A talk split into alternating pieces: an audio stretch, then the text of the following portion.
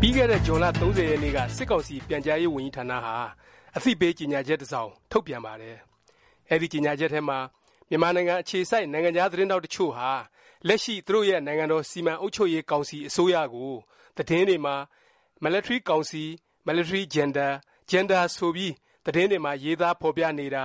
အခြေမြင့်မရှိတဲ့သတင်းမှားတွေကို ကိုးကားချက်ကားရေးသားဖော်ပြနေတာတွေကို တွေ့ရတဲ့အကြောင်း ဒါကြောင့် နောက်ဆို အဲ့လို ရေးသားခြင်းတွေ မလုပ်ကြဖို့ လုပ်ခဲ့ရင် တည်ဆဲ ဥပဒေတွေအရ အရေးယူသွားမယ် ဆိုပြီး ဖော်ပြထားပါတယ်။ပြန်ကြားရေးဝန်ကြီးဌာနရဲ့ အဲ့ဒီ ကြေညာချက်ဟာ ဗိုလ်ချုပ်မူကြီး မင်းအောင်လှိုင် ဦးဆောင်တဲ့ဆရာနာသိမ့်မှု မတိုင်ခင်ကတည်းက ပြည်တွင်းမှာ မှတ်ပုံတင် တရားဝင် ရုံးကန်ဖွင့်လှစ် သတင်းတောက်တွေထားပြီး လုပ်ငန်းဆောင်ရွက်နေတဲ့ နိုင်ငံတကာ မီဒီယာတွေကိုတတိပေးချင်းချောက်လိုက်တဲ့ သဘောလဲသက်ရောက်နေတာ တွေ့ရပါတယ်။ပြောရရင် လက်ရှိမြန်မာနိုင်ငံကို အုပ်ချုပ်နေတဲ့ စစ်ကောင်စီဟာ သူတို့ အာဏာရယူပြီးနောက် သတင်းမီဒီယာ လွတ်လပ်ခွင့်ကို ပိတ်ပင်ဖို့နဲ့ လိုသလို ပုံဖော်ဖို့ ကြိုးစားနေခဲ့တာ အခုဆိုရင် အချိန် ၅ လကျော် ကြာခဲ့ပါပြီ။သူတို့ အကောင်ထဲဖော်နေတာ အလုတ်ဖြစ် မဖြစ် ကြည့်ကြရအောင်ပါ။ဖေဖော်ဝါရီလ၁ရက်နေ့ မတိုင်ခင်ကတော့ ပြည်တွင်းမှာ နေ့စဉ်ထုတ် သတင်းစာတွေ၊အပတ်စဉ်ထုတ် ဂျာနယ်တွေ၊ရေဒီယို ရုပ်သံလိုင်းတွေနဲ့ ရုပ်သံသတင်းဌာနတွေက သတင်းလုပ်ငန်းတွေကို မြိုင်မြိုင်ဆိုင်ဆိုင်ကြီး လုပ်ခဲ့ကြတာပါ။ စစ်ကောင်စီလက်ထက်မှာတော့ ပထမဦးဆုံး အစိုးရပိုင် မီဒီယာလုပ်ငန်းအားလုံးနဲ့ အကြီးဆုံး ပုဂ္ဂလိက မီဒီယာလုပ်ငန်းကြီးနှစ်ခုကို အရင်ဦးဆုံး ထိန်းချုပ်ခဲ့ပါတယ်။တဆက်တည်းဆိုသလို ပြည်တွင်းမှာ အခြေစိုက်နေတဲ့ သတင်းဌာန တချို့ကို ပိတ်ပင်အရေးယူမှု လုပ်ခဲ့ပြီး အဲဒီထဲမှာ DVB, Mizzima, Myanmar Now, 7 Days, ခေတ်သစ်မီဒီယာ၊ကမာရွတ်မီဒီယာနဲ့ နယ်မီဒီယာ တချို့ ပါဝင်ခဲ့ပါတယ်။နိုင်ငံအနှံ့အပြားမှာ DVB, Mizzima အပါအဝင် သတင်းလိုင်းအတော်များများကို အခမဲ့ ဖမ်းယူကြည့်ရှုနိုင်တဲ့ နှစ်ပေစလောင်း ဂြိုလ်တု ဖမ်းစက်တွေကို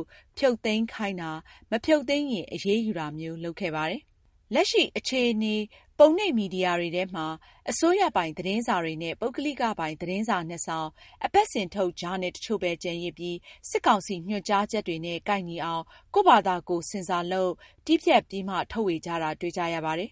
ပုဂ္ဂလိက ရေဒီယိုအသံလွှင့်လုပ်ငန်းတွေနဲ့ ရုပ်သံလွှင့်လုပ်ငန်းတွေကိုလည်း အပြည့်အ၀ ထိန်းချုပ်ထားလိုက်ပြီမို့ ပြည်သူတွေဟာ အဲဒီ မီဒီယာတွေကနေ သတင်းမှန်တွေ ပြည့်ပြည့်စုံစုံ နားထောင်ကြည့်ရှုခွင့်ရဖို့ မဖြစ်နိုင်တော့ပါဘူး။ဒါပေမယ့် ပြည်တွင်းပြည်ပ မီဒီယာမျိုးစုံကတော့ အင်တာနက် အခြေပြု ပက်လက်ဖေါင်းတချို့ပေါ်မှာ ဆက်ပြီး မြင်တွေ့နိုင်ပါသေးတယ်။၂၀၂၁ ဇန်နဝါရီ စာရင်းတွေအရ မြန်မာနိုင်ငံမှာ အင်တာနက် အသုံးပြုသူ ၂၃ သန်းကျော်၊ Facebook လို ဆိုရှယ်မီဒီယာတွေ အသုံးပြုသူ ၂၉ သန်းကျော်နဲ့ မိုဘိုင်းဖုန်းအသုံးပြုသူ၆၉သန်းကျော်ရှိတယ်လို့ဆိုပါတယ်။ဥပဒေအရလူတစ်ယောက်ဟာမိုဘိုင်းအော်ပရေတာတစ်ခုရဲ့ဆင်းကဒ်နှစ်ခုစီသုံးခွင့်ရတာ၊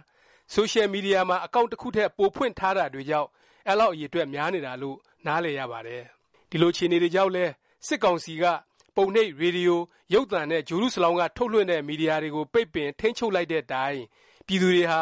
အင်တာနက်ဝက်ဆိုက် YouTube နဲ့ Facebook လိုပက်လက်ဖေါင်းတွေကနေ သတင်းဌာနပေါင်းစုံက ဖော်ပြနေတဲ့ သတင်းတွေကို ဖတ်ရှု ကြည့်ရှု နားထောင်ခွင့်ရနေတာ ဖြစ်ပါတယ်။အဲလို အခြေအနေကို စစ်ကောင်စီဘက်က ဒီအတိုင်း လက်ပိုက်ကြည့်နေတာတော့ မဟုတ်ပါဘူး။အင်တာနက် ဖြတ်တောက်ဖို့နဲ့ သတင်းဌာနတွေကို ပိတ်ဆို့ဖို့ ကြိုးစားမှုတွေတော့ ရှိခဲ့ပါတယ်။စစ်ကောင်စီဟာ ဖေဖေါ်ဝါရီလဆန်းပိုင်းက အချိန်ကာလတခု အင်တာနက်ကို လုံးဝဖြတ်တောက်ခဲ့ပါတယ်။နောက်ပိုင်း အချိန်တခု သတ်မှတ်ပြီး ပုံမှန် အင်တာနက် ဖြတ်တောက်တာ လုပ်ပါတယ် ဧပြီလ အရောက်မှာတော့ အင်တာနက် ဝန်ဆောင်မှု ၅ မျိုးရှိတဲ့အထဲ လူသုံးအများဆုံးဖြစ်တဲ့မိုဘိုင်းဒေတာ၊ဝိုင်ဖိုင်နဲ့ဘရော့ဘင်းဝန်ဆောင်မှု၃မျိုးကို ပိတ်ပင်လိုက်ပြီး ကေဘယ်ကြိုးလိုင်းနဲ့ သုံးတဲ့ ဝန်ဆောင်မှုနဲ့ စီးပွားရေးလုပ်ငန်းသုံး ဝန်ဆောင်မှု၂မျိုးကိုပဲ ခွင့်ပြုပေးပါတော့တယ်။အဲလို အင်တာနက် ဝန်ဆောင်မှု၂မျိုးပဲ အသုံးပြုခွင့်ပြုတော့တဲ့အတွက် လူပေါင်း သန်း ၂၀ ကျော်လောက် အင်တာနက် အသုံးပြုခွင့် မရဆိုတဲ့ အခြေအနေ ရောက်သွားစေခဲ့ပါတယ် အဲဒီအချိန်ကတော့ ပြည်သူအများစုကြီး သတင်းအမှောင်ကျသွားတဲ့ အခြေအနေ ရောက်သွားတယ်လို့ ဆိုရင်လည်း မမှားပါဘူး။ဒါပေမယ့်လည်း အဲလို အင်တာနက်ကို ဖြတ်တောက်လိုက်တာကြောင့်မိုဘိုင်းဘဏ်ကင်အသုံးပြုလို့ မရတော့တာ၊အွန်လိုင်း အသုံးပြုပြီး ဈေးရောင်းဈေးဝယ် ငွေပေးငွေယူ ကုန်သွယ်လုပ်ငန်း အပါအဝင် စီးပွားရေးနဲ့ အခြား နယ်ပယ်မျိုးစုံကို ကြီးမားတဲ့ ထိခိုက်မှုတွေ ဖြစ်စေခဲ့ပါတယ်။ဒါတင်မက နိုင်ငံတကာ မိုဘိုင်းအော်ပရေတာ ကုမ္ပဏီတွေရော ပြည်တွင်းက အင်တာနက် ဝန်ဆောင်မှုပေးတဲ့ လုပ်ငန်းတွေပါ အကြီးအကျယ် ထိခိုက်ကုန်ပါတော့တယ်။ဒီလိုနဲ့ စစ်ကောင်စီဟာ နောက်ပိုင်း အင်တာနက် ဝန်ဆောင်မှု လုပ်ငန်း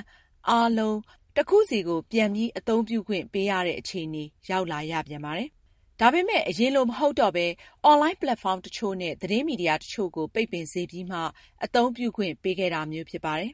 လက်ရှိ အင်တာနက် ဝန်ဆောင်မှုပေးနေတဲ့ ကုမ္ပဏီတွေထဲမှာ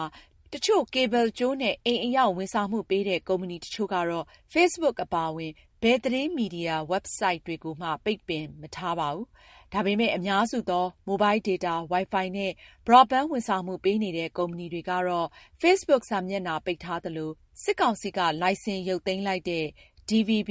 Mizzima, Myanmar Now ဝက်ဘ်ဆိုက်တွေကို ပိတ်ပင်ထားတာ တွေ့ရပါတယ်။ အခုလို စစ်ကောင်စီရဲ့ ညွှန်ကြားချက်ကြောင့် အင်တာနက် ဝန်ဆောင်မှုပေးတဲ့ ကုမ္ပဏီ အများစုကြီးဟာ သတင်းမီဒီယာ အားလုံးနီးပါးရဲ့ ပက်လက်ဖေါင်းဖြစ်တဲ့ Facebook ကို ပိတ်ပင်ထားကြပေမယ့် VPN ခံပြီး အသုံးပြုလို့ ရနေတော့ ပြည်သူတွေအားလုံး Facebook သုံးလို့ရ၊ Facebook စာမျက်နှာထဲက သတင်းတွေကို သိခွင့်ရနေကြတာ ဖြစ်ပါတယ်။ဒါကြောင့်လည်း စစ်ကောင်စီက ပိတ်ပင်ထားတဲ့ မီဒီယာတွေ အပါအဝင် မဇ္ဈိမ၊ခေတ်သစ်၊ DVB, ဧရာဝတီ၊ BBC, Myanmar Now, RFA, VOA မြန်မာသတင်းဌာနတွေရဲ့ဇွန်လအတွက် Facebook စာမျက်နှာမှာ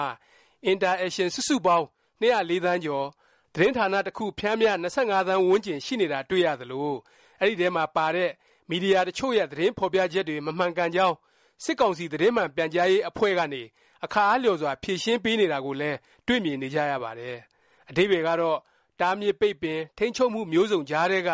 ပြည်သူတွေဟာပြည်တွင်းပြည်ပသတင်းဌာနတွေကဖော်ပြတဲ့ သတင်းတွေကို ဖတ်ရှု၊နားဆင်၊ကြည့်ရှုခွင့်ရနေဆဲမို့ စစ်ကောင်စီရဲ့ သတင်းမီဒီယာကို ပိတ်ပင် ထိန်းချုပ်ဖို့ ကြိုးစားမှု အောင်မြင်မှု မရ ဖြစ်နေကြောင်းပါ